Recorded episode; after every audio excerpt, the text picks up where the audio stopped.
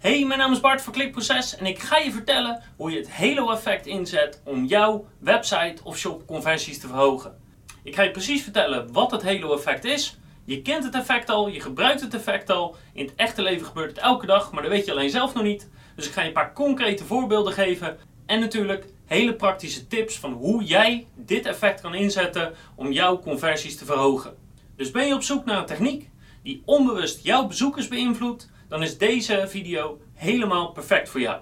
En als bonus aan het einde van de video heb ik ook nog een hele specifieke uitleg van waar je dit precies op je webshop toepast. Want dit is niet iets wat je op elke pagina doet. En een paar hele specifieke tips hoe je dat heel krachtig kan doen. Welkom bij Klikproces met informatie over betere rankings, meer bezoekers en een hogere omzet. Elke werkdag praktisch advies voor meer organische groei via SEO, conversieoptimalisatie, YouTube en voice. De uitleg van wat het halo-effect is, is wat technisch, dus blijf erbij.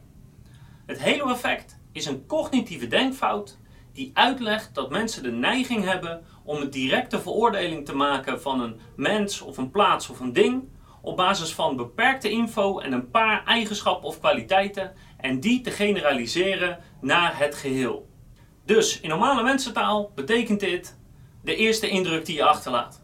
Dus je ziet iets of iemand en je ziet een paar dingen aan ze of je hebt heel kort met ze gesproken, dus je hoort een paar dingen van ze en vervolgens generaliseer je wat daaruit is gekomen naar alles. Vandaar ook het spreekwoord, je kan maar één keer een eerste indruk maken. Want als we eenmaal die generalisatie maken, dan gaat daar best wel wat tijd overheen om daar vanaf te komen.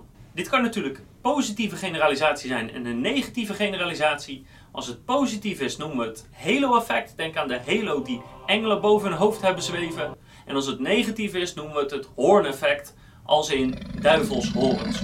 Dus het halo-effect gaat alleen maar over als die generalisatie positief is.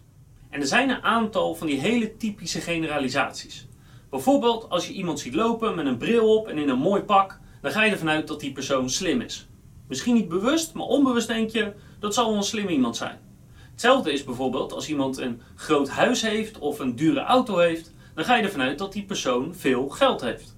Of als een leerling in de klas zich goed gedraagt in die klas, dan gaat de leraar er eigenlijk vanzelf vanuit dat die persoon betere cijfers haalt en is dan onbewust ook eerder geneigd om twijfelpunten in het voordeel te laten vallen in plaats van in het nadeel. Ook bekend is bijvoorbeeld dat mooier uitziende mensen over het algemeen worden ingeschat als intelligenter. Eh, denk aan de eerste handdruk die je iemand geeft. Dat zegt veel over je karakter, tenminste, dat denken mensen. En ook als we iemand tegenkomen die energiek en enthousiast is, dan denken we dat dat iemand is die dingen regelt of die dingen wel voor elkaar krijgt. En belangrijk is dus te weten dat we dit allemaal onbewust doen, maar dat het dus niks met de feitelijke waarheid te maken heeft. Het enige wat we doen is we pakken een heel klein stukje van die persoon, van het uiterlijk of van de dingen die die zegt of dingen die die doet. En vervolgens generaliseren we dat naar die complete persoon toe. Dat legt bijvoorbeeld ook uit waarom sommige mensen zo heel goed zijn in een goede eerste indruk maken en dat iedereen er vaak positief over praat, terwijl het misschien wel eh, helemaal niet zo'n leuk persoon is. En andersom ook iemand die misschien aardiger of vriendelijker is, maar wat moeite heeft met nieuwe ontmoetingen of groepen of andere nieuwe ervaringen en daardoor bijvoorbeeld wat slecht uit zijn woorden komt, ja, die schat je toch als wat minder in. Dat is bijvoorbeeld heel erg waarom soms vrienden van mensen wel eens zeggen van ja, die persoon is wel heel erg aardig of heel erg vriendelijk als je hem een beetje beter leert kennen. Die zijn dus blijkbaar niet zo goed in het halo-effect toepassen om een goede eerste indruk te maken. Wat dat halo-effect voor je website of shop eigenlijk doet, is dat het je een beetje krediet laat opbouwen. Dus door die eerste indruk zo goed te maken, bouw je een beetje krediet op dat als later dingen minder gaan, of er gaat iets fout, of er is iets niet helemaal ideaal, dan wordt het je sneller vergeven, omdat ze nog een beetje vasthouden aan die eerste indruk die je gemaakt hebt. En dat betekent eigenlijk dat door die goede eerste indruk de totale beleving een stuk positiever is. Dus waar pas je het halo-effect toe? Nou, het halo-effect gaat om die eerste indruk.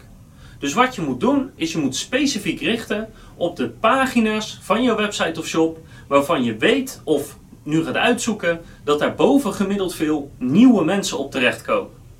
Dus dat is niet het checkout proces of het winkelmandje of bepaalde pagina's die wat dieper in je site zitten, zoals de, bijvoorbeeld de over ons of de contactpagina.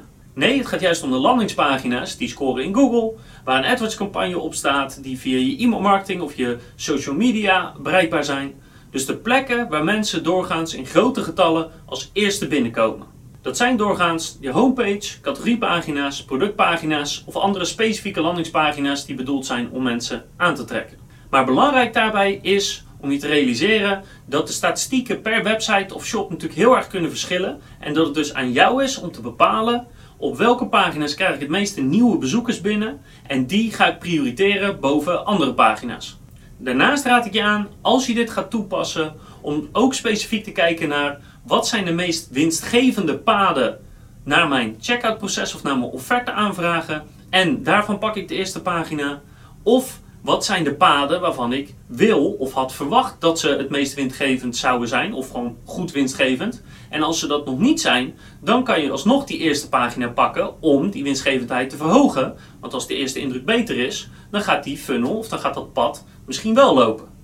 Dus dat zijn de dingen die je moet gebruiken om te prioriteren, om te zeggen, deze pagina's gaan we als eerst verbeteren om dat halo-effect toe te passen. Dus hoe pas je dat halo-effect dan toe? Nou, hou in gedachten, het gaat dus om die eerste indruk. En die eerste indruk is heel snel gemaakt.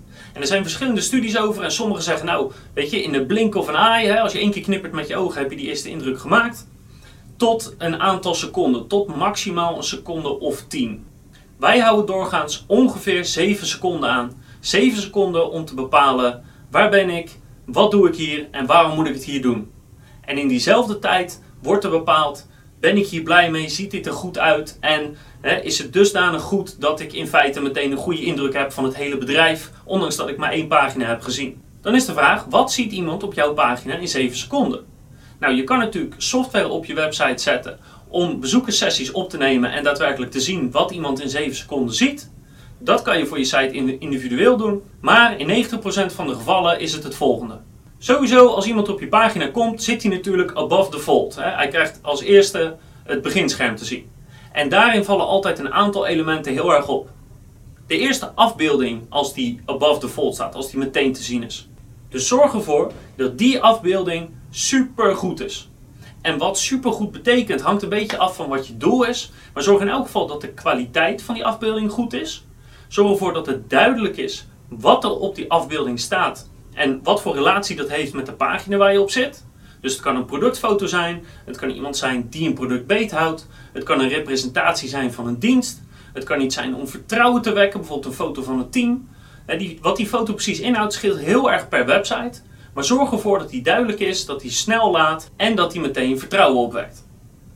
Het tweede wat je daarna eigenlijk altijd ziet, of als je geen foto hebt als eerste ziet, dat is de koptekst. De koptekst bovenaan je pagina, het grootste element doorgaans op misschien de afbeelding of de video na, en die trekt de aandacht. Dus die koptekst is echt cruciaal. En dat is die ook voor andere conversieredenen en dat is die meestal ook vanwege SEO. Dus er moet echt veel tijd gaan zitten in die koptekst. Ook hiervoor geldt, zorg dat die koptekst duidelijk is. Dat iemand meteen snapt wat hij hier kan doen en eventueel ook getriggerd wordt door een waarom. Dat hij nieuwsgierig wordt gemaakt of dat er een belofte wordt gedaan. Bijvoorbeeld productnaam plus laagste prijsgarantie. Dat kan zowel zoekmachine technisch als conversietechnisch goed werken. Je kan ook een neutrale titel houden, zoals gewoon de productnaam of de naam van de categorie. Maar zorg in elk geval voor dat die koptekst opvalt en dat die heel erg duidelijk is en overal goed te lezen is. Dus dan heb je je afbeelding, heb je je koptekst. En waar vandaan ga je dan? Dat is doorgaans de intro. Dus de eerste paar regels die je in je scherm krijgt. Dus ook daarvoor geldt, net als die koptekst, die intro, die eerste paar regels, moeten echt speciale aandacht krijgen. En het enige doel van die koptekst is ervoor zorgen dat mensen die pagina gaan lezen. En dat geldt voor die intro ook. Het enige doel van de intro van de pagina is ervoor zorgen dat mensen de rest ook gaan lezen en gaan bekijken. Dus zorg ervoor dat die intro duidelijk is met wat je op die pagina kan vinden en waarom. En waarom kan zijn waarom je die pagina moet lezen of waarom je dat product moet kopen. Het hangt een beetje af hoe groot de beschrijving is en hoe complex het is. In de meeste gevallen zal die intro duidelijk moeten maken waarom je deze pagina gaat lezen. Door bijvoorbeeld te vertellen, op deze pagina vind je antwoord op deze en deze en deze vragen. Of heb je deze en deze en deze problemen, daar krijg je een oplossing voor. Ik zeg maar even wat. Dus de eerste afbeelding, koptekst en intro, cruciaal om het Halo-effect toe te passen. Daarnaast een soort algemene tip dat je ervoor zorgt dat je layout rustig, overzichtelijk en indien mogelijk symmetrisch is. Dit zijn algemene eigenschappen die worden toegekend aan een mooi uitziende website. En dat is moeilijk en dat kan niet voor elke website specifiek. En soms kan het op desktop wel en op mobiel uh, weer niet. Dat begrijp ik. Maar zorg ervoor dat die rustig en duidelijk is. Er is niks zo irritant als dat je op een website komt, meteen een pop-up te pakken hebt, na die eerste twee seconden al, en dat er een hele groot blok met tekst staat of dat er alleen maar afbeeldingen staan zonder uitleg, waardoor je in die eerste 7 seconden verward bent, dus een negatieve indruk krijgt, ten opzichte van dat het heel duidelijk is en dat is bijna altijd positief. Dus dat zijn de drie belangrijkste elementen waar je op moet richten om dat Halo-effect toe te passen. Maar dan nu nog een paar hele specifieke tips die je kan toepassen. En eigenlijk om dat Halo-effect toe te passen, kan je gebruik maken van een van de vele andere neuromarketing technieken. Bijvoorbeeld de authority bias. Dat is de neiging van mensen dat ze veel waarde hechten aan de mening of het doen en laten van een autoriteit. Dus als die eerste afbeelding waar iemand op terecht komt, meteen bijvoorbeeld bepaalde keurmerken bevat, of bepaalde personen bevat die het aanbevelen, of dat je een foto hebt met Pieter Zwart of een, of een andere bekende uit jouw branche, dan wordt dat Halo-effect toegepast op een super positieve manier, want jij wordt geassocieerd met een autoriteit uit jouw branche. Dat kan een bekend persoon zijn, dat kan een dier zijn, dat kan een model zijn. Het, het, kan een auto zijn, het zou ook een foto kunnen zijn van een mooi landschap. Dat hangt heel erg af van je website of shop, dus dat is moeilijk een concreet voorbeeld te geven. Maar hoe beter die eerste foto nog andere neuromarketing technieken toepast, hoe groter de kans dat die eerste beleving heel erg positief is. En gebruik daarbij dus een setting, of een persoon, of een dier, die dus de eigenschappen heeft waarvan jij wil dat die uitstralen over de rest van je bedrijf. Dus slim, of mooi, of snel, of noem het maar op. En zorg er dus voor dat die eerste foto daar heel goed bij aansluit. En dat is het eigenlijk. De koptekst, de intro en de eerste afbeeldingen zijn cruciaal om het hele effect toe te passen en dan vooral op de pagina's waar de meeste nieuwe bezoekers op terechtkomen. Want het gaat om die eerste indruk. Dus ga kijken waar komen veel nieuwe bezoekers op binnen. Kloppen die pagina's wel? Kan ik ze verbeteren? Want de kans dat jouw conversies omhoog gaan is heel erg groot. En wat wil je nou liever dan een goede indruk maken bij een nieuwe klant? Want nieuwe klanten zijn meestal het duurst om aan te trekken. Ik zou zeggen, zet hem op. Bedankt voor het kijken, luisteren of lezen. Ik hoop dat je de volgende keer weer bij bent heb ik nog veel meer advies over het verhogen van de conversie van jouw website of shop, bijvoorbeeld door neuromarketing toe te passen, maar ook advies over SEO, over YouTube en over voice.